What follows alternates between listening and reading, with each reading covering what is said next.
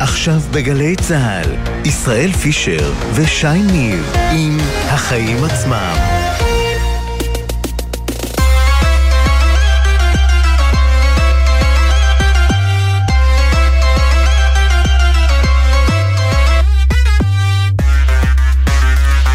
עכשיו, שש וארבע דקות, אתם על החיים עצמם, התוכנית הכלכלית-חברתית של גלי צה"ל. באולפן שי ניב ולצידי ישראל פישר. איך עבר היום ישראל? האמת שעבר בסדר גמור, אני כבר חושב על הבירה שאחרי התוכנית. הופה, משהו כן, מעניין? כן, תכף נדבר על זה עם לזה. אה, מנהל רשות המיסים, ערן יעקב, תבין בדיוק למה אני חושב על הבירה. הנה, הסתקרנתי. טוב, אנחנו נדבר גם על משהו שאותי אישית די אכזב, החלטת בג"ץ לא לפתוח את הפרוטוקולים על דיוני הקורונה. אלה שהובילו אותנו לסגרים עם הפסדי ענק למשק, החלטות הרות גורל, שיישארו חסויות לעשרות השנים הקרובות. ספוילר, לא מאשים את בג"ץ, אלא את ממשלת השינוי. תכף נסביר למה. בנוסף לזה נברר אה, למה גוגל משלמת פחות ארנונה מגן ילדים, ואם לא הגיע הזמן שהדבר הזה ישתנה. בתוכנית היום נדבר גם על בעיה שלפחות אותי היא מטרידה. למה החינוך הפיננסי בישראל דועך? לא רק שהוא לא מתקדם, הוא דועך. הולך אחורה. כן. אז כדי לתת דוגמה, מספר הילדים שלמדו, רכשו חינוך פיננסי בשנה שעברה דרך מערכת החינוך, היה על שליש מהמספר שלמד, ש, שלמדו את זה ב-2014. שליש. מדהים. ואנחנו נסיים עם ההשקה של אפל, שתתחיל היום, קצת אחרי השידור שלנו, אייפון חדש ועוד uh, כמה הפתעות. אבל עד אז יש לנו הרבה להספיק, אז ישראל, מה הכותרת שלך?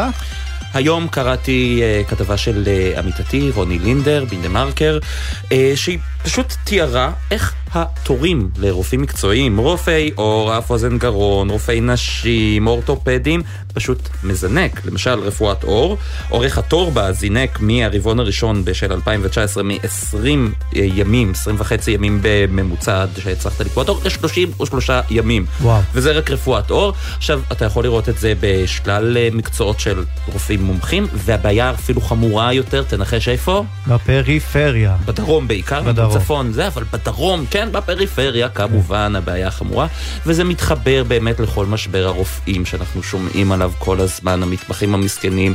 עכשיו, גם זה, המומחים... אגב, זה מתחבר לעוד עניין, אתה שואל מישהו ואומר לך שהוא בדרך אה, אה, אה, לבאר שבע לרופא, או כל מיני, או, או לאיזה מקום שאתה יודע שהוא מרוחק 60 קילומטר ממנו, אתה מבין שזה חלק מהעניין, כי פשוט אה, מחפשים תורים, ואיפה שפנוי... רק תנו לי תור, תנו לי. לקבוע תור. וזו בעיה, משרד האוצר אומר שזו לא בעיה תקציבית והתקציב צומח כל הזמן ומגדילים, אבל זו בעיה של שנים על גבי שנים שמתריעים מפ- מפ- מפ- מפניה של תכנון לקוי של מערכת הבריאות.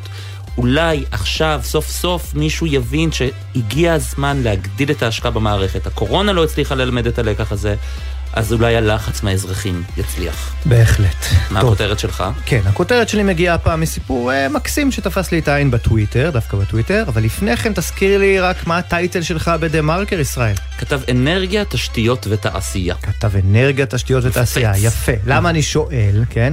כי לטייטל שלנו במקום העבודה, למרות שכלפי חוץ אנחנו משחקים אותה כאילו זה ממש לא אכפת לנו, כן? לטייטל הזה יש חשיבות. הוא חשוב לנו לדימוי העצמי, הוא חשוב מבחינת תכנון הקריירה, ולכן אנחנו רואים שבשנים האחרונות יותר ויותר מתעכבים על העניין הזה של הטייטל.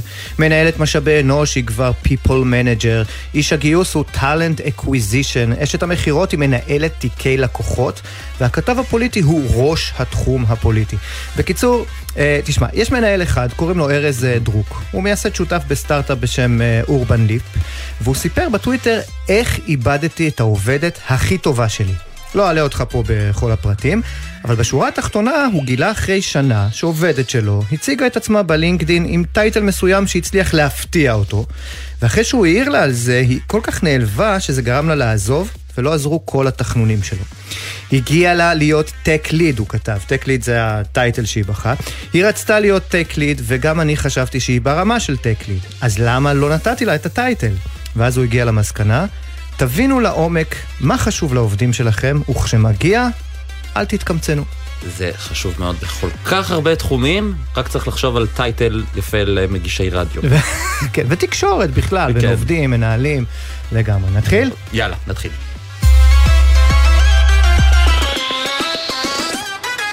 טוב, אז אה, הצלחת לסקרן אותי עם, ה... עם הבירה של הערב, מה אתה מתכנן? בילוי לוהט? לא רחוק מכאן, בשוק הפשפשים, אולפני גלי צה"ל ביפו. כבר נשמע לוהט, כן, שוק כן, הפשפשים. שוק הפשפשים. יש היום אוצר על הבר. בכירי משרד האוצר פשוט באים לשוחח עם הציבור, ואני צריך להגיד לך ש... אני חושב שמי שילך היום לשתות בירה עם הציבור ועומדת בפניו המשימה הקשה ביותר, הוא מנהל רשות המיסים ערן יעקב, שנמצא איתנו על הקו. ערב טוב. או, טוב, שלום וערב טוב, אני חושב על הטייטל שלי אחרי פה השיח על הטייטלים, אני גם אה, צריך... אה, רגע, מנהל רשות לשדרג. לשדרג כן, בוא קצת. נחשוב על משהו... לשדרג, זהו, אם יש לכם איזה רעיון לשדרוג אה, לטייטל, אני... מנהל רשות המיסים, טוב, מיסים זה כבר משהו זה כבר, שצריך, זה ל- בעייתי, זה צריך איכשהו. אולי מנהל רשות. המיסים. בדיוק. כן. אה, אז אה, אה, זהו, אז אתה עוד מעט מגיע ליפו, לאוצר על הבר, ואני אגיד לך למה אני חושב שהמשימה שלך הכי קשה. כי בניגוד לאנשים אחרים באוצר, כמו יושב, יושבת ראש רשות החברות, או החשב הכללי, או הכלכלנית הראשית וכולי, שלציבור אין איתם איזשהו מגע יומיומי, לציבור הישראלי יש מגע קבוע עם רשות המיסים, ובדרך כלל הוא לא ממש אוהב אתכם. בטח, הוא, הוא זה שלוקח את הכסף, הם כולם מחלקים, והוא לוקח כסף. נכון? כן, אז תראה, ברור, גם אה, אף אחד לא, כנראה לא מאוד אוהב לשלם מיסים, אבל כשאתה חושב על זה קצת יותר, עולה טיפה ב- בגובה ומסתכל על זה, אז אני יכול להגיד לך שיש כנראה שגם הרבה ששמחים לשלם מיסים, כי בסוף זה משרת אותנו בביטחון, זה משרת אותנו ברווחה, זה משרת אותנו בבריאות, זה משרת אותנו במענקי אומיקרון, זה משרת אותנו בהרבה מאוד דברים שמאפשרים לנו את הרווחה שיש במדינה הזאת, מאפשר לנו, אני חושב, סך הכל, אתה יודע, שמסתכלים גם בהשוואה בינלאומית, לקבל את מה שאנחנו מקבלים. סך הכל אנחנו מדינה גם צעירה, וחלק גדול ממה שמתאפשר פה, ואני לא אחראי על צד ההוצאות, אני אחראי על צד ההכנסות, מתאפשר בגלל אותן הכנסות שמאפשרות את אותן הוצאות שבדרך כלל מתבטאות בתקציב המדינה מן הסתם. אבל אתה יודע, כשהציבור שומע כל הזמן מפוליטיקאים, לא נעלה מיסים, או יותר מזה, כשהם תוקפים כאלה שכבר כן העלו מיסים, אפילו הם מיסים מאוד uh, ממוקדים, לצורך העניין המס על המשקאות או על הכלים החד פעמיים, אז מה הציבור מבין? הוא מבין שמיסים זה איזה תיק כבד על הראש, נטל שצריך רק להפחית. אני יכול להגיד לך שא', מיסים באים לממן כ... כייעודם את uh, תקציב המדינה, זה ברמה הפיסקלית, את היכולת של מדינה בעצם להתקיים, וזה סופג את הכסף מהציבור כדי לאפשר את הדבר הזה. לא המצאנו פה כלום, זה עוד מתקופות מאוד מאוד קדומות. עכשיו לעניין של אהבה או לא אהבה, והמשמעות של לשלם מיסים על, כמו שאמרת, על אה, כלי פלסטיק, על אה, אה, משקעים ממותקים, כן. משקאות ממותקים, אז הרבה פעמים המיסים גם משמשים באופן להכוונה, להכוונת מדיניות. וזה יכול להיות לבוא בהרבה היבטים. נניח שרוצים לעודד התיישבות במקומות מסוימים. נניח שרוצים לעודד אה, אנרגיית שמש, אז מה עושים? מאפשרים באמצעות תמריצים את הדבר הזה, וככה זה קורה, ולכן זה או, אז, מתאפשר. אז הנה, אמרת כלומר, שמיסים נועדו הרבה פעמים להכווין אנשים. אז יש למשל את מס הבלו, שהוא נועד להפחית שימוש במוצרים מזהמים, מזיקים, כמו דלק. והנה אתה רואה שעכשיו... יש מי שיגיד שנעשה בזה שימוש פוליטי. אתה לא חושב שהשיטה הזו, לדוגמה של מס הבלו, קצת מיושנת כבר, שצריכים להחליף את התחשיב הזה? למ- למשל למס נסועה. נכון. אז קודם כל אני חושב שהאוצר אמר בצורה מאוד ברורה ואפילו נטע את זה בחוק ההסדרים האחרון שהוא חושב שיש מקום לפעול, לשנות את תמיל המיסים כך שלהעביר יותר לעלויות המשתנות שהן פונקציה של הנסועה ולא להטיל את המס באופן או לנסות ולשדרג את האופן שמוטל כרגע. אז הכיוון הוא כיוון כזה מן הסתם ואתה צודק לחלוטין. יחד עם זאת, כדי להגיע לשם, אז כמובן צריך להיעזר בטכנולוגיה, צריך לאפיין את התהליך הזה, וכשאתה בא לפרטים, אני אומר לך את זה כמי שאחראי גם על גוף שהוא גוף תפעולי, אז הדברים הם לא מאוד מאוד פשוטים. אבל בצופה פני עתיד, אין ספק שזה הכיוון. נכון להיום, הבלו ש... גם את זה אמרת, למעשה בא לשקף את העלויות החיצוניות השליליות, לדוגמה, את הגודש, את הפקקים, את הבטיחות בדרכים, את התאונות, את, את הזיהום הסביבה. וגם את הפוליטיקאים ש... שמשתמשים בו להפחתה עד 15 בנובמבר, צריך להגיד. ו... ו... את זה אני אמרתי. אני... כן, אני לא יודע פוליטיקאים, אני יכול להגיד לך שההחלטה להפחית את הבלו באה כתוצאה משיח של יוקר מחיה שכל העולם חווה עכשיו איזה צונאמי בעניין הזה, אנחנו לא היחידים. אני, אתה יכול לראות גם שאולי אלה אנחנו אה, בין היחידים שגם כשיש אינפלציה, אנחנו ברף המאוד מאוד מאוד תחתון של 5.2 ואולי שניים או שלישים מלמטה בהסתכלות הבינלאומית, ואני חושב שהדבר הזה דווקא משמח מהכיוון הזה. יחד עם זאת, ב-5.2 עליית אינפלציה, ובכך שיש יוקר מחיה, והדבר הזה בא לפתחו, ומשרד האוצר כמי שמנסה למצוא גם פתרונות לדברים האלה, גם לעולם של יוקר מחיה, ועשה לא מעט לא מעט uh, תהליכים uh, ודברים שכדי להקל על יוקר מחיה. מזה שהוא פתח את השוק לתחרות יותר ביותר חוק ההסדרים האחרון בחלק. מהמשימות, אם זה בלהפחית את התקינה, אם זה לאפשר יותר תחרות, אם זה בלהוריד את המכסים על חקלאות ועל מוצרי תעשייה. אם זה לתת יותר נקודות זיכוי כדי להגדיל את ההכנסה הפנויה, אם זה לתת למס הכנסה שלילי להגדיל, נעשו מענק שהגדילו כן. המשרד ב-40 אחוז, וגם את זה עשה שר האוצר, כן? אז כל הדברים האלה באים על רקע הזו. ואחד הדברים שהוטבו, אגב, לא המצאנו, כי חלק גדול ממדינות בעולם הפחיתו את המיסים על הבלו, אגב, יוקר מחיה, אינפלציה.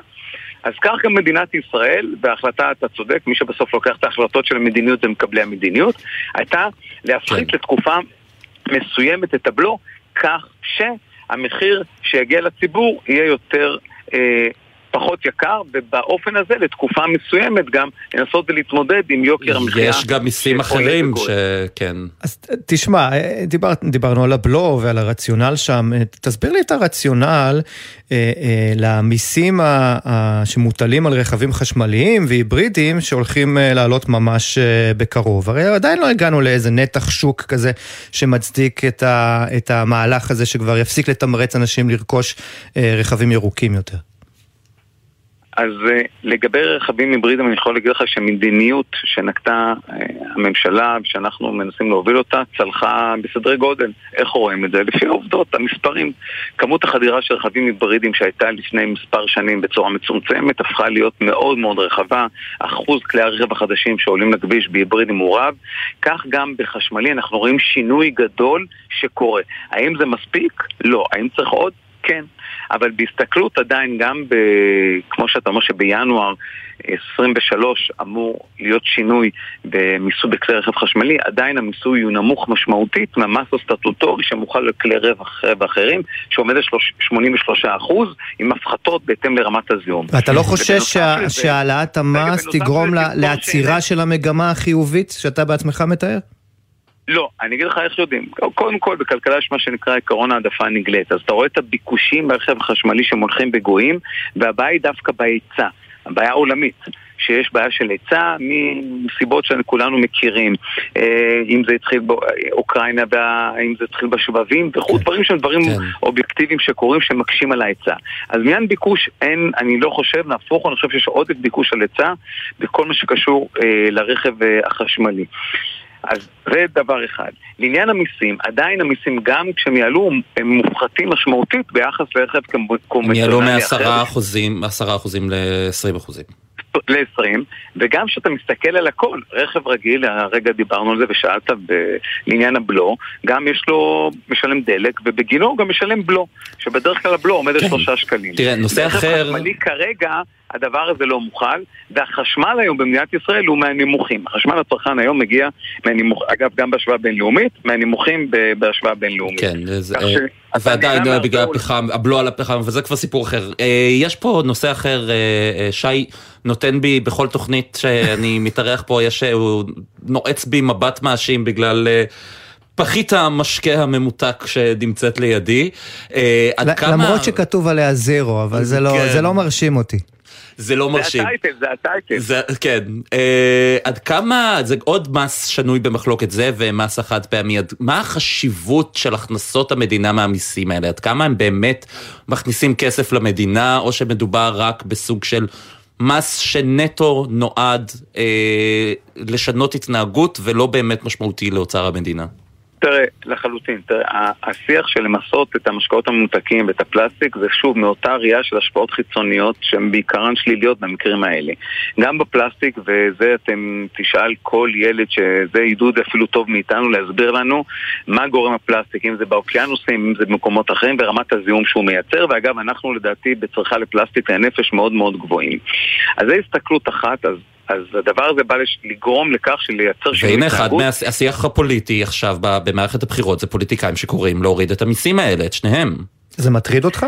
בסדר, אני, אני רגע נכנס, אני, אני, תראה, אני כפקיד מקצועי בא מהעולם המקצועי ואומר את דעתי ברמה המקצועית. בסוף מי שמקבל את ההחלטות, נכון, זה מקבלי המדיניות שנמצאים בכנסת וגם, ונושאים גם באחריות של ההחלטות. אז אנחנו, אבל אני מסביר לך את ה... אז אני כן, אני כן אשמח להסביר לך את התפיסה שעומדת מאחורי הדבר הזה. גם סוכר כשלעצמו הוא משהו שהוא מזיק, הוא מזיק לבריאות, לא המצאנו פה כלום, יש ספרות על הדבר הזה, משרד הבריאות כן. מסביר את זה בכל מקום.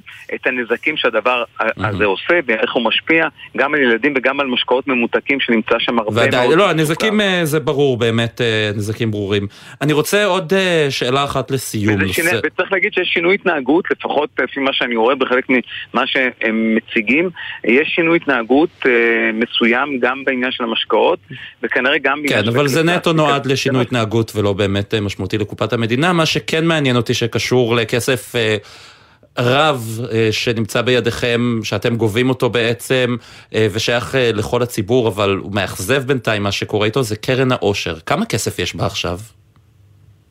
תראה, קרן העושר, אני לא יודע למה זה מאכזב, אבל לפחות מה, ממה שאנחנו הצגנו ואמרנו, אז הדברים, אה, נכון שהיה עיכוב כזה ואחר, אבל אנחנו כבר, גם כבר בימים אלה, כמו שאתם יודעים, אנחנו מעל מיליארד ויותר משמעותית, וקרן העושר התחילה לפעול כי חלק מהכספים גם הגיעו אליה. אה, ונכון שהיו כל מיני מספרים שנתנו בזמנו. בנק ישראל אמר שהשנה היו יותר מ-14 מיליארד שקל, בפועל אתה אמרת אה, קצת יותר ממיליארד. לא, לא, לא יודע מי אמר, אני יודע שאנחנו כבר אה, אחרי ויהיו השנה, יהיו יותר ממיליארד ושניים, וגם עכשיו יש לנו עוד אה, סכום ניכר שיגיע לק, לקרן בקרוב, אז אני חושב שהדבר הזה מתחיל ו, אה, ו, ומגיע וקורה, אה, ואני חושב שהדבר אה, משמח וחשוב. ובמשך השנים אין לי ספק שיהיו שם הרבה מאוד אה, מיליארדים אה, בקרן. צריך לזכור כן. שחלק לא מבוטל מהגבייה בא מהחברות האלה באמצעות אה, מס חברות. זה ותמלוגים, לא, אני מדבר אבל על אה, מס רווחי יתר, על מס שישינסקי, כן, אה, כן, על קרן כן, העושר. ערן יעקב, מנהל רשות הביסים, אנחנו, אני אפגוש אותך בהמשך הערב על בירה, נראה לי. אה, בשמחה רבה, בשמחה אני רבה. בוא, אני אבוא. ביר, עליי, עליי, בשמחה. לא, לא, אסור, אסור לעיתונאים לקבל מתנות, אתה יודע. אה, בסדר, אז... אה, כן, אה, תודה רבה. אז בירה ביחד וכל אחד ישלם את שלו. וזהו, ככה זה צריך להיות. אתם חמודים נורא, תהנו. להתראות, ערב טוב. ביי, להתראות.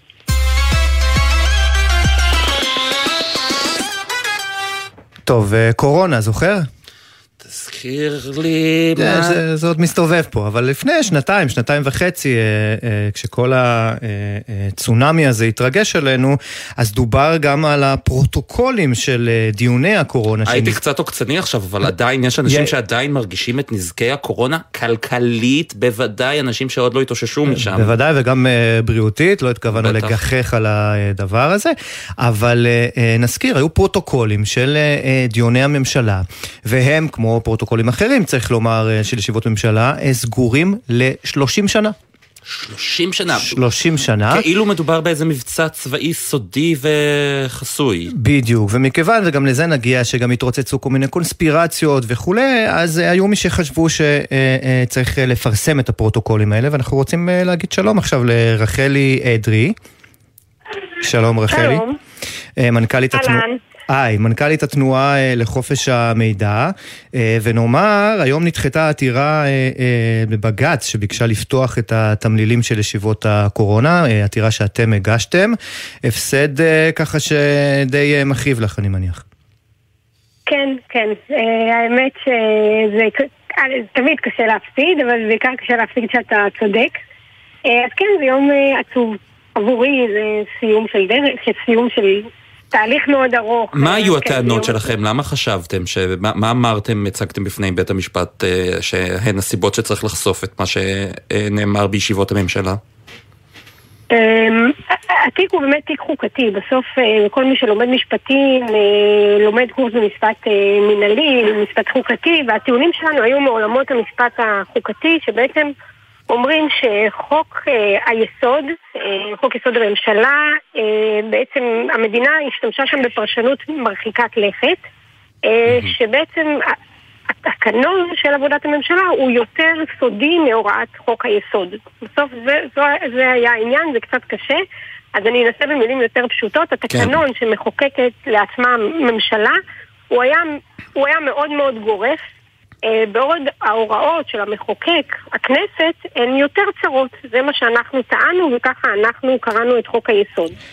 אבל אה, את יודעת, אומר בג"ץ בעצם שזה חוק יסוד הממשלה, והוא בעצם לא גם מצא איזה, אה, איזה חוסר סבירות קיצוני שמצדיק פסילה של החוק, או גבייה של פרשנות אחרת, אבל תקני אותי אם אני טועה, הממשלה כן הייתה יכולה לשנות את החוק ולפרסם את הפרוטוקולים. אה, היא שינתה, אני אגיד שבמהלך הדרך היא שינתה וניסתה פרשנות מאוד יצירה, היא שינתה את התקנון. כלומר, היא שינתה את התקנון ובמהלך הדרך היא, היא ניסתה לתקן והיא גם הנגישה הרבה מאוד מידע במהלך הדרך. היא פתחה פרוטוקולים. אבל? וסדר, אבל, ולכן גם בית משפט אומר, זה מספיק. הוא אומר, תמלילים לא, הוא אומר, הממשלה בכל הדרך שאנחנו עשינו, התפרסמו... את הסטנוגרמות, כלומר. כן. ונתונים, והוא אומר, וזה מספיק. אני רוצה להשמיע לך ולך, שי, דברים שאמרו ממש בנושא הזה שר הביטחון בני גנץ וראש הממשלה יאיר לפיד. שהם היו בפוזיציה אחרת. לחלוטין אחרת. אני מתכוון להיאבק על זה שהפרוטוקולים ייפתחו, אני חושב שמגיע לציבור לדעת מי מתחמן ומי אומר את הדברים כמו שהם. בממשלה הנוכחית החליטו לסגור ל-30 שנה את הפרוטוקולים של קבינט הקורונה. למה? מה יש לכם להסתיר? מה יש לכם להסתיר? מה יש להם להסתיר היום? אנחנו יודעים, אה, אה, אה, רחל אדרי, שהממשלה הנוכחית נאבקה בסופו של דבר בדבר הזה. גם היא. אה, נכון, זה מצחיק, זה בעצם אותם אנשים שיכלו לפתוח, וראש הממשלה יכול לפתוח אותם מחר בבוקר, וגם ההרכב מציע להם, אתם יכולים, כאילו, הוא ממש אומר, אתם רוצים, תגישו, ואפשר עוד לפתוח, זה תלוי בממשלה, אני, בית המשפט, לא אתערב בזה, ואנשים אה, שיכולים, היום הם לא עושים את זה, והסיבה היא סיבה פשוטה, שהם נורא נורא מפחדים שאם אנחנו נפתח קצת, אז פתאום יבוא מבול של בקשות על ישיבות הממשלה. ורחמנא ליצלן נבקש עוד שקיפות. עכשיו, תאמרי לי, למה השקיפות הזו, אה, או איפה השקיפות הזו נוגעת אה, לכיס שלנו, לכיס של הציבור, מהבחינה הכלכלית לצורך העניין? אה, בהרבה מקומות. נתחיל מזה, וזה לא קשור עכשיו לקורונה, אבל השקיפות, איפה היא פוגשת את הכיס שלנו? אה, לדוגמה, כל מה שקשור במידע פתוח, אוקיי? מידע פתוח, כל מי שמתעסק קצת בכלכלה וקצת במידע יודע שכשיש מידע פתוח בצורה טובה ואמיתית, זה יכול לגרום לפיתוח של הרבה דברים ולשגשוג mm-hmm. גם בהייטק וגם בחינוך וגם בהרבה מאוד עולמות, אה, אבל במדינת ישראל, לצערי אני אומרת, מאגרי המידע הם לא פתוחים כמו שהם צריכים להיות בשנת 2022. אם כן. תפתח את דאטה אה, גוב של מדינת ישראל, יש שם בערך 900 מאגרים, כשצריך להיות בערך 50 אלף. אנחנו מאוד... יאללה, uh, נלחמים uh, איתכם במאבק למען השקיפות. רחלי אדרי, מנכ"לית התנועה לחופש המידע, תודה רבה, ערב טוב. תודה לכם, להתראות. ואנחנו צריכים גם עקביות, לא רק שקיפות, לפחות אפרופו הקולות ששמענו מבני גנץ ויאיר לפיד. נכון, לפחות תקיימו את מה שאמרתם, ואנחנו נשארים עכשיו בתחום הפוליטי, כי מתברר שביהדות התורה, הצד הכלכלי שם מאיים לפצל את הרשימה. כתבנו הפוליטי, יובל שגב, שלום, ערב טוב. שלום, שלום לכם, ערב טוב. תעשה לנו קצת סדר, מה קורה שם? תראו, אז נגיד קודם כל, זה אירוע שכבר נמשך אה, פחות או יותר אה, שבועיים, יש פיצול, יש סכסוך משמעותי בין שני המרכיבים של אותה רשימת יהדות התורה, החרדים האשכנזים שאנחנו מכירים היטב מהכנסת, גפני, ליצמן, אה, הוא, מחליף, הוא מחליפו של גפני גולדקנופ, והם רבים כאמור סביב סוגיית חינוך שהיא סוגיה מאוד כלכלית, זאת אומרת, אם עד עכשיו התרגלנו שהעימותים בין מפלגות כאלה ואחרות, שכן ירוצו ביחד, לא ירוצו ביחד, היו בעיקר ככה עניינים פוליטיים, אז כאן יש כאן סוגיה שהיא חינוכית וכלכלית, והיא נוגעת לתקצוב של מוסדות החינוך החרדים, כמה לימודי ליבה ילמדו, כמה כסף המדינה תשלם במקביל, ועל זה בעצם נאבקים כרגע. אז בוא תעשה לנו סדר, מה הסיפור ואיך זה קשור לחסידות בלז ולמוסדות שלה וללימודי ליבה, אנחנו רוצים ככה אחת ולתמיד להבין את העניין הזה, כי זה עניין מהותי, זה לא עוד פעם ההוא שאמר לפוליטיקאי אחר ככה וככה. תראו, אז בגדול המדינה לא מחייבת את החרדים ללמוד לימודי ליבה, את זה אנחנו אה, יודעים אה, כולם, אבל היא כן מנסה לתמרץ אותם, בעיקר בגילאים הצעירים, ללמד לפחות את הבסיס. ולכן יש כמה, אה, נקרא לזה מדרגים של חינוך חרדי, ולפי זה מדרגי תשלום עבורם. יש את הממלכתי חרדי, שזה באמת זרם שהוא כולו על בסיס המדינה, והוא מקבל תקצוב מלא, כמו כל תיכון ממלכתי חילוני או דתי, יחד עם כל התוספות והתוכניות החדשות. מתחת זה יש את מה שמכונה רשתות החינוך החרדי, רשת אחת של ש"ס, ספרדית, רשת אחת אה, שמונהגת בידי אה, אגודת ישראל, הצד הליטאי, הצד של גפני, אה, סליחה, אה, אה, דגל התורה, הצד של גפני, אה, והם בעצם שולטים בגוף השני, ואלה בעצם מין שני קונצרנים כאלה של חינוך שמחזיקים תחתם הרבה מאוד מוסדות, והם הוקמו לפני עשרות שנים, ולכן הם גם מקבלים הטבות יחסית נרחבות, לא כמו שמקבלים בממלכתי, אבל עדיין מקבלים תקצוב יחסית אה, אה, גבוה. ואנחנו מתחתם... מבינים שיש איזושהי פשרה ככה באופק. נכון, בגלל שמתחתם יש באמת מוסדות שמקבלים תקצוב הרבה יותר נמוך מהמדינה, ביניהם גם המוסדות של בלז, הם בעצם נתקעו במחסור כלכלי, והחליטו שהם מתנהלים מול משרד החינוך אה, אה, ישירות כדי להכניס יותר לימודי ליבה מצד אחד, אבל גם לקבל יותר כסף, אה, ובעצם אנחנו רואים כאן איך הכלכלה וההשפעה הכספית על מוסדות החינוך מצליחה גם לשלב יותר לימודי ליבה. כרגע מנסים למצוא איזושהי פשרה שאותה חסידות בלז שניסתה להתנהל עצמאית, רחמנא ליצלן, אה, אה, אה, בעצם אה, תדחה במידה מה את הכניסה שלה לאותו מתווה של משרד החינוך, אחרי זה שנה הבאה, אם ייכנסו לקואליציה, אז ינסו באמת למצוא לזה איזשהו פתרון, אולי עם חקיקה וכולי, זה נראה קרוב לפתרון הרבה יותר ממה שזה היה עד לפני כמה ימים, בגלל שזה גם מגיע שם באמת למעורבות של הרבנים, זעם מאוד גדול של גרשון אדלשטיין, הרב, המנהיג של הציבור הליטאי, אז זה גם לא היה כל כך משהו שהיה בידיים של הפוליטיקאים, כרגע נראה שמצליחים למצוא איזשהו פתרון אה, אה, ביניים שכזה, אבל הוא עשוי להשאיר את ביילס בינתיים בלי הכסף שהם כל כך צריכים עבור המוסדות שלהם. כן, זה אבל חשוב. אבל כן, ברמה הפוליטית, למצוא את הפתרון ולרוץ ביחד, וזה מרגיע גם את כדי לא לשרוף אה, קולות, כן. יושב ראש האופוזיציה בנימין נתניהו. בדיוק. יובל שגב, כתבנו הפוליטי, תודה רבה לך. תודה, תודה.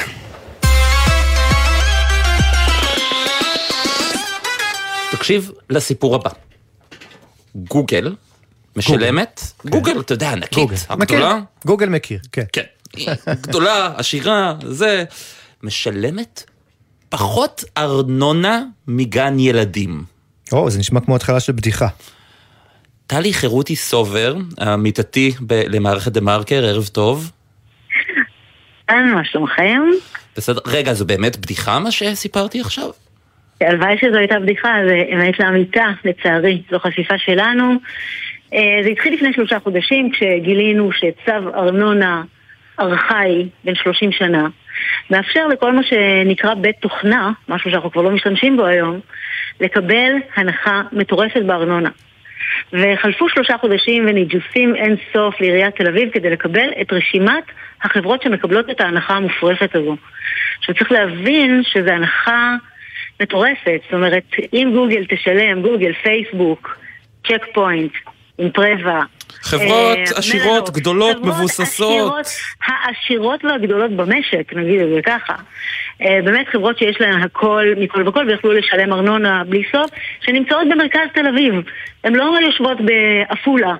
אה, בבית שאן או משהו כזה, שכדי לתמרץ אותם צריך לתת להם הנחות בארנונה. אבל טלי, זה לא הנחה אה, נורמלית או הגיונית אה, שניתנת על פי גודל? כלומר, לצורך העניין, את לא. מזכירה גן ילדים, לא, לא לצורך העניין גן ילדים זה 100 מטרים, ומשרד הייטק ממוצע נגיד 1,000 מטרים, אז הגיוני שניתן לו הנחה יותר גדולה, לא? למה? למה זה הגיוני? קודם כל, למה לתת להייטק הנחה?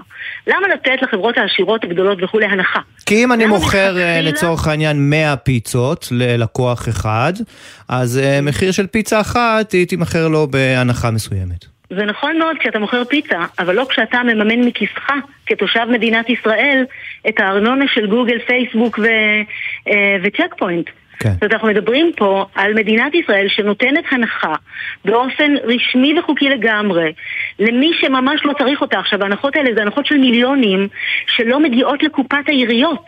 זאת אומרת, המיליונים האלה נגרעים מקופת העירייה. הזכרת את תל לא אביב, מגיע צריך אליך. להגיד שזה לא רק בתל אביב, נכון? לא, זה במדינת ישראל כולה. אה, כל מי שמבקש גם מקבל, כל מי שיכול להוכיח שהוא בית תוכנה. דרך אגב, גם כל מיני חברות כמו ארנסטן יאג, שאני מניחה ששמעתם זו פעם חברת את רואי השם, חשבון נכון? וייעוץ, מה הקשר חברת רואי לתוכנה? החשבון הגדולה בישראל, לחברת רואי החשבון הגדולה בישראל יש שתי מחלקות, דיגיטל וסייבר, וגם הם מקבלים הנחת ארנונה. כי אה, אתם יודעים, אה, כי, כי מה לעשות? כי זה בית תוכנה. זאת אומרת, זה הפך, נוצר איזה abuse מטורף של האפשרות הזו לבקש את ההנחה הזו. עכשיו, מעבר לזה שמי שלא צריך את ההנחה מקבל אותה ולכן לא משלם לקופת היישוב שבו הוא נמצא, מעבר לזה, החב... העסקים הקטנים והשירותים הציבוריים משלמים 50 ו-100 שקלים יותר לכל מטר.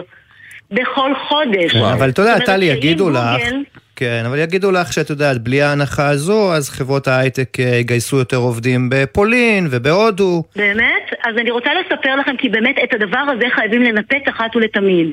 חברות ההייטק הגדולות נמצאות בישראל בגלל ההון האנושי. הן לא נמצאות כאן בגלל ההנחות ובגלל הארנונה. בפולין אין להם את המוח הישראלי. אין להם את הטאלנטים, אין להם את היכולות הישראליות, ולכן הם לא בפולין. ואני רוצה להגיד לכם פה בצורה ברורה וחד משמעית. אגב, אה, תראי, כן בפולין רגע, כבר רגע, היום, הן יכולות אבל, לעבור כן. עד מחרתיים לאירלנד ולפולין, הם לא יקבלו את הטאלנטים שהם מקבלות כאן, ולכן מגיעים לכאן עוד ועוד מרכזים בינלאומיים. הם לא מגיעים לכאן בגלל הנחות הארנונה. הנחות הארנונה זה צ'ופר נוסף שנותנים להם, וזה צ'ופר שאין שום סיבה שייתנו אותו. הן מגיעות לכאן בגלל ההון האנושי. ושוב, את ההון האנושי הזה אין באירלנד ואין בפולין. ועדיין אה, חסרים פה באמת אה, עובדים. ו- אני אגלה לך סוד, טלי, את צודקת. אני יודעת. לא, אבל מה שמרגיז באמת זה שמה שקורה זה שכשגוגל משלמת מעט, גן הילדים שפועל לידה והבר שהעובדים הולכים אליו כן. בערב, משלם פי שתיים לפעמים. ומה עכשיו, הדברים האלה שנדרש מגולגלים זה- אלינו. מה הדברים האלה שנדרש שאת כתבת את זה, זה באמת כן. שרי פנים חזקים שיוכלו אה, לשנות את זה. טלי חירותי סובר. ולכן אנחנו לא חושבים שמשהו באמת יקרה בקרוב. כן, זה אבל לצערנו. אנחנו אופטימיים. זה הכי חשוב. טלי חירותי סובר, דה מרקר, תודה רבה לך, ערב. טוב. ביי ביי. כמה הודעות ונשוב.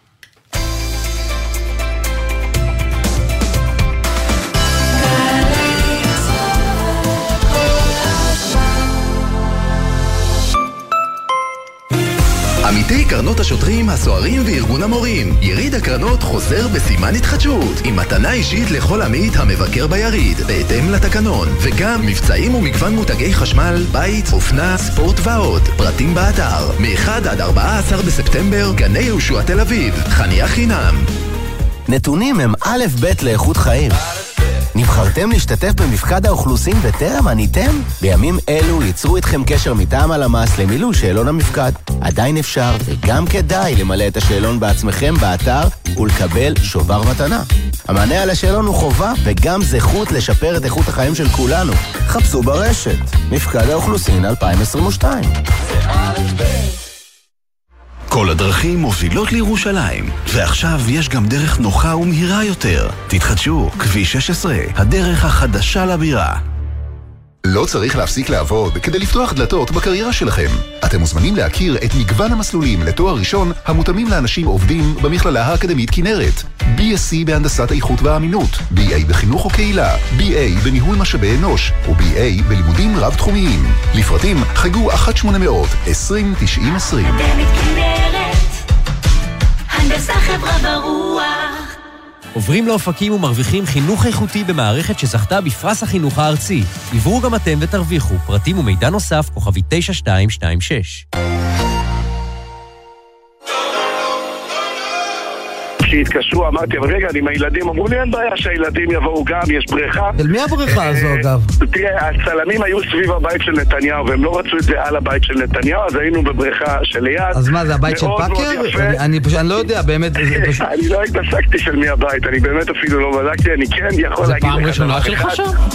בבית הזה של השכן, כן, כן. ספי עובדיה ויניר קוזין, ראשון עד שלישי בשמונה בבוקר, רק בגלי צה"ל.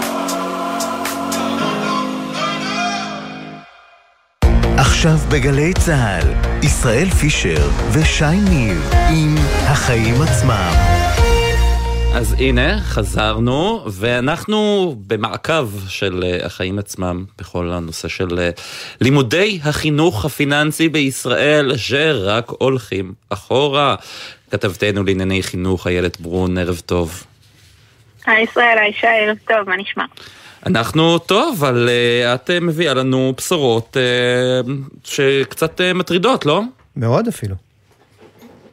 מאוד. אמ, אז אה, בעצם אה, חינוך פיננסי בישראל זה אולי מושג שכולנו לא כל כך מכירים, כי באמת פשוט לא היה לנו אותו בבית ספר כבר שנים שאין אה, ממש לימודים מסודרים של חינוך פיננסי בכל הקשור לאיך מוצאים כרטיס אשראי, איך כותבים צ'ק ואיך מתנהלים בהמשך החיים במערכת החינוך. אם ב-2014 לפחות 24 אלף תלמידים היו נחשפים באיזשהו אופן למידע הזה, השנה המספר הזה ירד ל-8,000 ולא נראה שזה משתפר. צריך אה, להגיד שגם זה לדובי. 24 אלף תלמידים זה לא מספר משמעותי או מרשים בשום אופן. ברור.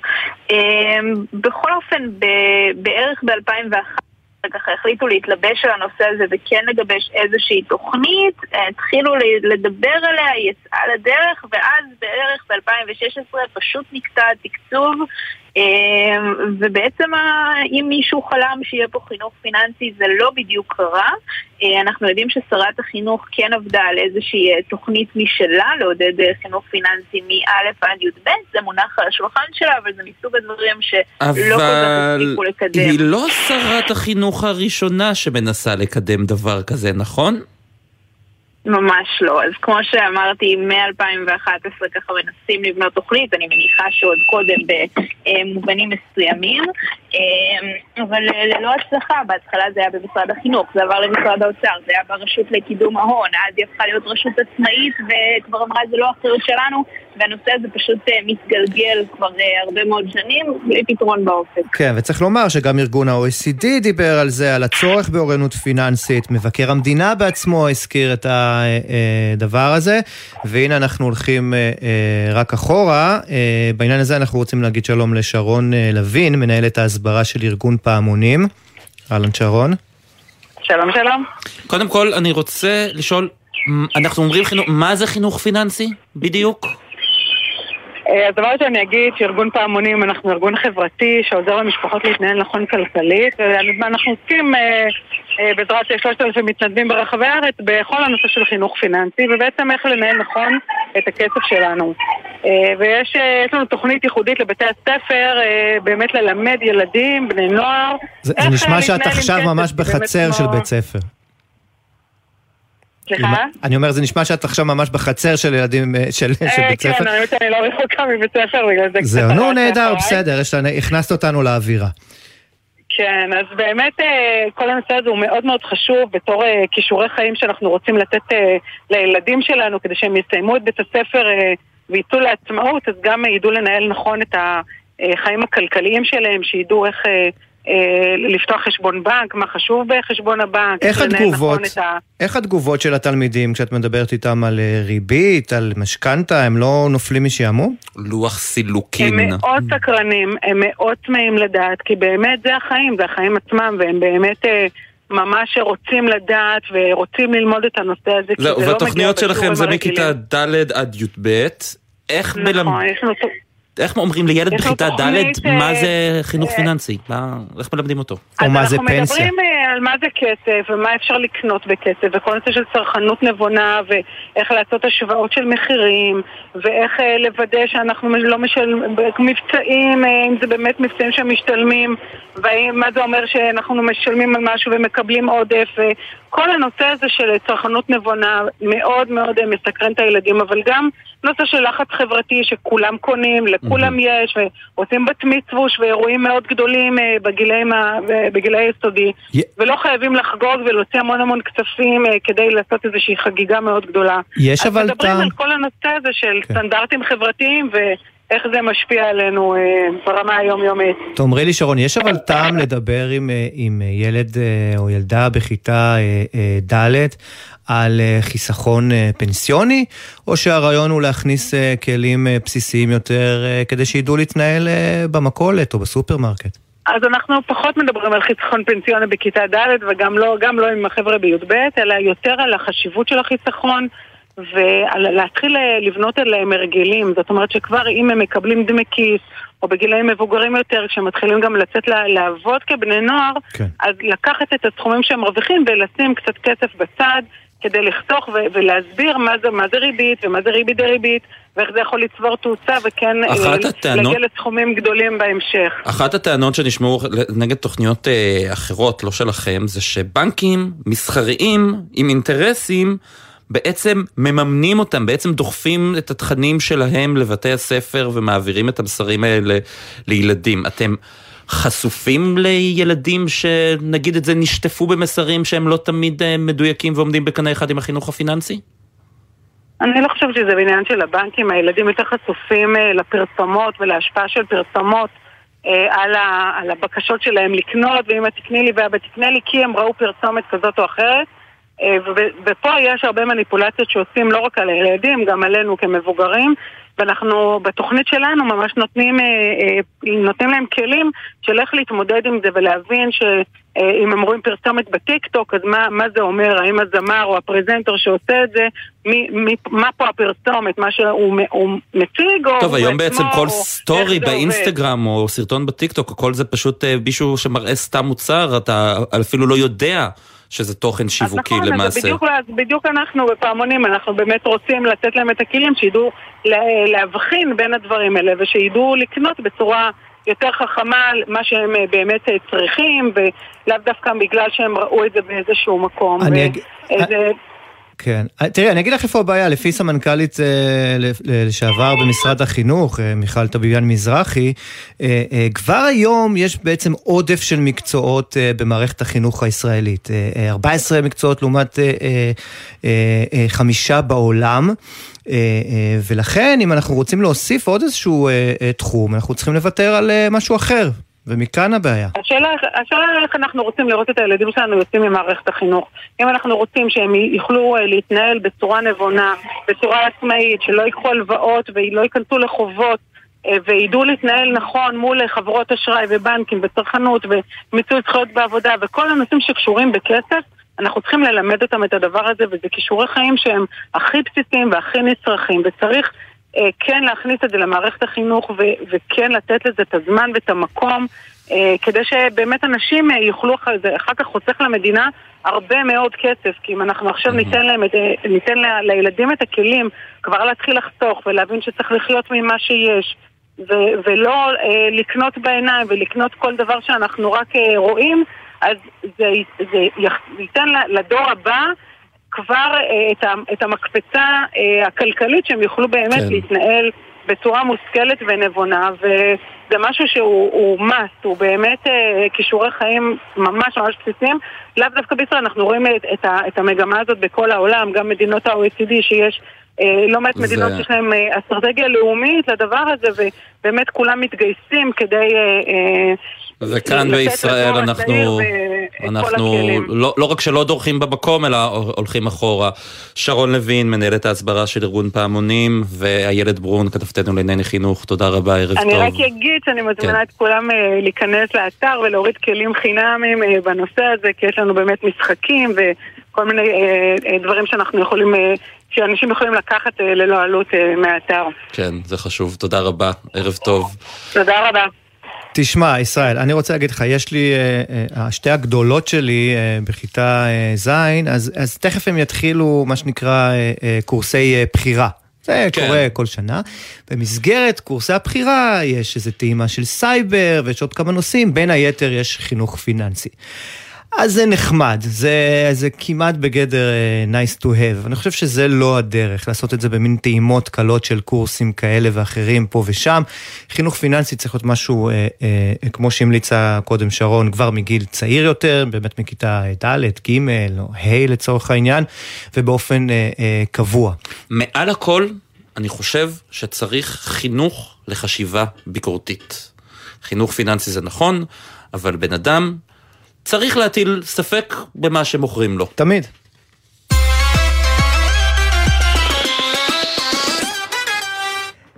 טוב, אז uh, תשמע, אנחנו שומעים על גיוס uh, uh, גדול מאוד של 40 מיליון דולר, סך הכל uh, 100 מיליון דולר מתחילת השנה, שנה, אני טועה, של חברת טראניז, חברת אגרוטק שמספקת פתרונות מבוססי בינה מלאכותית, זה נשמע ככה, אתה יודע, משולב. חברת אגרוטק, בינה מלאכותית, בסוף, אוקיי. יש פה סיפור מעניין. חברה שבעצם אה, אה, באמצעות כל מיני פתרונות, רחפנים וכלים כאלה ואחרים, אה, בעצם נאבקת במזיקים, במחלות כאלה ואחרות שפוגעים ביבולים.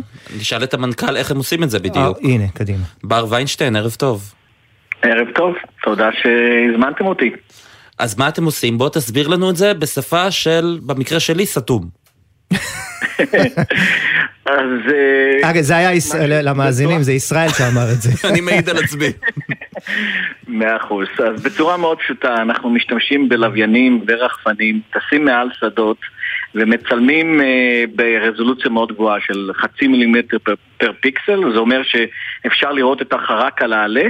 מעלים את כל התמונות האלה לענן, איפה שהמערכות בינה מלאכותית שלנו מזהות מעל 400 סוגי בעיות בשדה, בעיות של מחלות, מזיקים, מאות סוגי עשבים, בעיות דישון ובעצם בעזרת הידע הזה הם עוזרים לחקלאים בעצם לטפל בכל הבעיות האלה.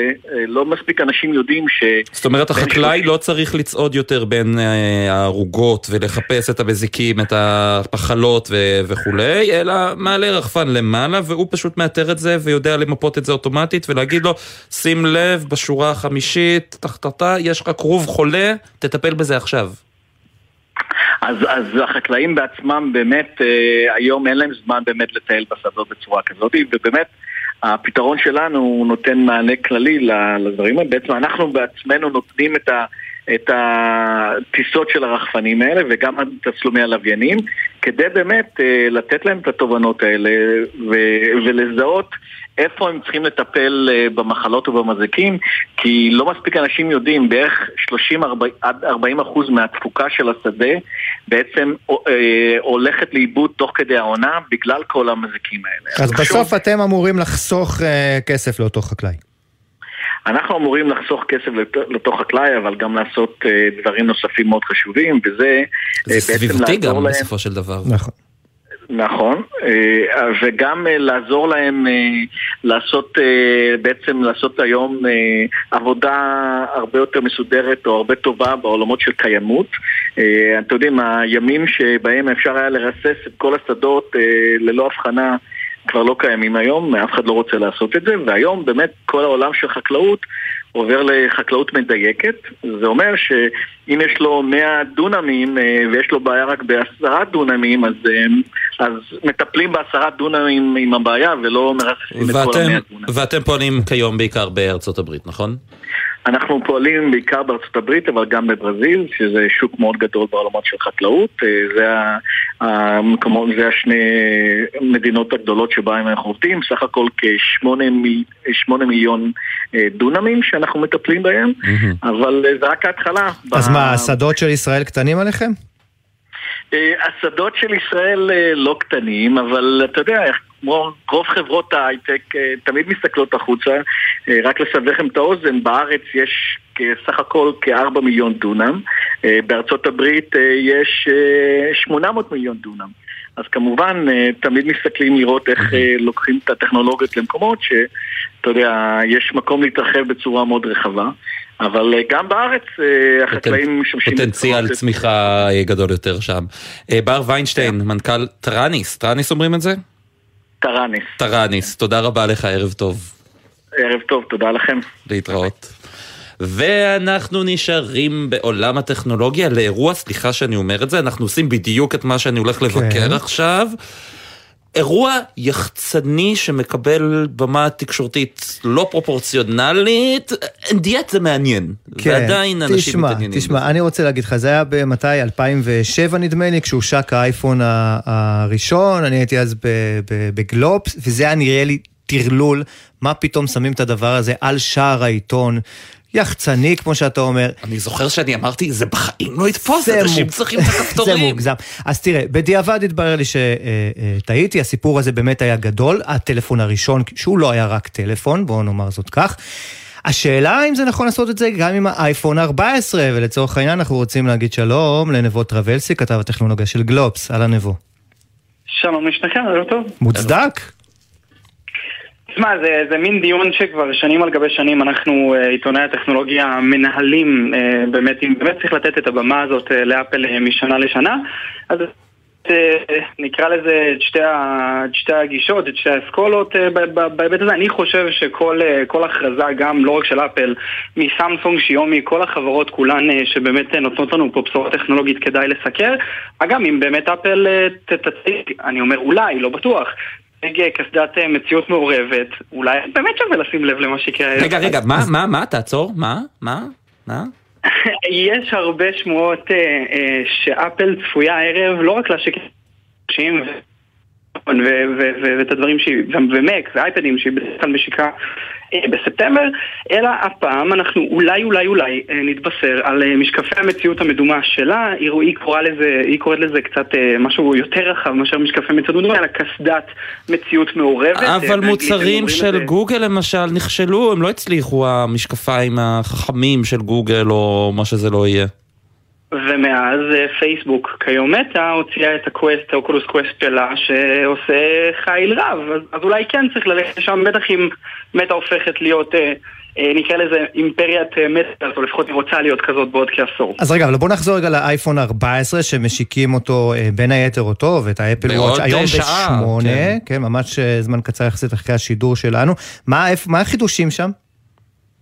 אז, אז בתכלס, אחת, הביקורות המרכזיות שיש על אפל בשנים האחרונות זה שהאירועים השנתיים שלהם באמת לא מחדשים, זאת אומרת כן יש 30 שדרוגים פה ושם, כנראה שגם השנה יש, אה, אה, לא, לא נתבשר על איזה, על איזה בשורה מטורפת, כן אנחנו נשמע על אולי שני, שניים שלושה שינויים מרכזיים, הראשון זה באמת אה, שינוי תפיסה באפל עד היום, באמת היא הייתה מציגה לנו ארבעה מכשירים, כשזה היה דגם מיני, דגם קטן, דגם רגיל, ובעצם אה, דגמי הפרו, אחד רגיל ו...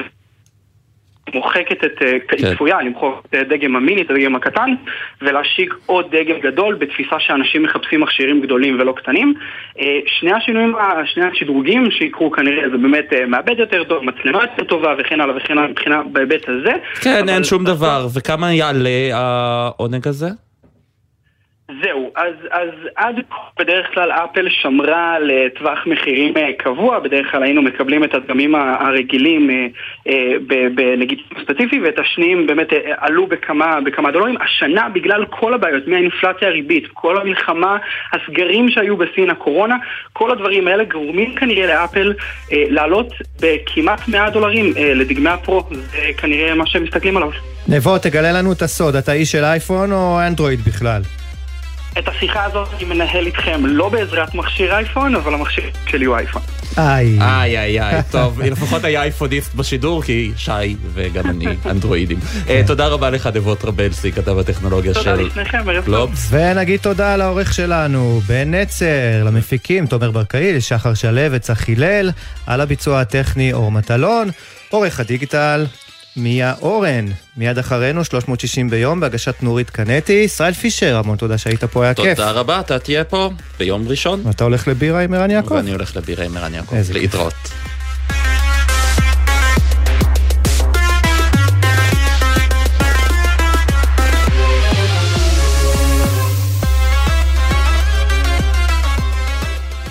בחסות הפניקס סמארט, המעניקה עד 45% הנחה בביטוח המקיף. כוכבית 5432, או חפשו הפניקס סמארט בגוגל. כפוף לתקנון המבצע, הפניקס חברה לביטוח בע"מ. בחסות עולם הקולנוע, המציעה לכבוד החג. מצלה גריל גז שישה מבערים עם קירת צד ב-1199 שקלים. איפה? עולם הקולנוע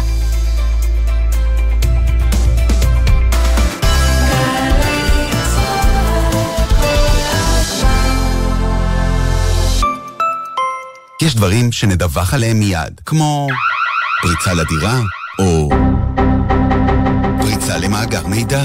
חברות וארגונים המנהלים מאגר מידע, שימו לב, פרצו למאגר המידע שלכם? מידע אישי דלף ממנו? בכל אירוע אבטחת מידע חלה עליכם חובה על פי חוק לדווח מיד לרשות להגנת הפרטיות, והיא תסייע לכם בהתמודדות עם המשבר ובצמצום הפגיעה. לדיווח, היכנסו לאתר הרשות או חייגו כוכבית 3103. הרשות להגנת הפרטיות, משרד המשפטים.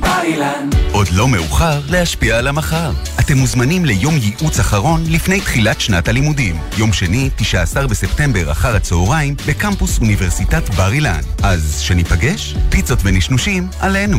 חפשו שניפגש בגוגל. אוניברסיטת בר אילן. משפיעים על המחר, היום. אתם קולטים עובדות ועובדים חדשים בתעשייה ובהייטק. אנחנו מעניקים כמאה מיליון שקלים. אתם קולטים? הרשות להשקעות מקדמת שילוב עובדות ועובדים חדשים באמצעות עידוד העסקה ותמריצים. השנה אנחנו מעניקים כמאה מיליון שקלים במגוון מסלולי סיוע ועד 150 אלף שקלים על כל משרה חדשה. ימים אחרונים להגשת בקשות. בדקו את זכאותכם באתר. משרד הכלכלה והתעשייה. מובילים כלכלה אנושית. לא צריך להיות גאון בפיזיקה כדי להבין מה קורה לראש כשרוכבים בלי קסדה. עם החזרה לספסל הלימודים, ודאו שהילדים חובשים קסדה בכל רכיבה, מקפידים לרכוב בשבילי אופניים, ואם אין שביל, אז בכבישים שאינם סוענים. וזכרו, הרכיבה על אופניים חשמליים וגלגינוע, קורקינט חשמלי, מותרת רק לבני 16 ויותר שעברו מבחן תיאוריה או מבחן ייעודי וקיבלו אישור הכשרה. שתהיה לכולנו שנת לימודים מוצלחת ובטוחה. הרלב"ד, מחויבים לאנשים שבדרך. מיד אחרי החדשות, נורית קנדי.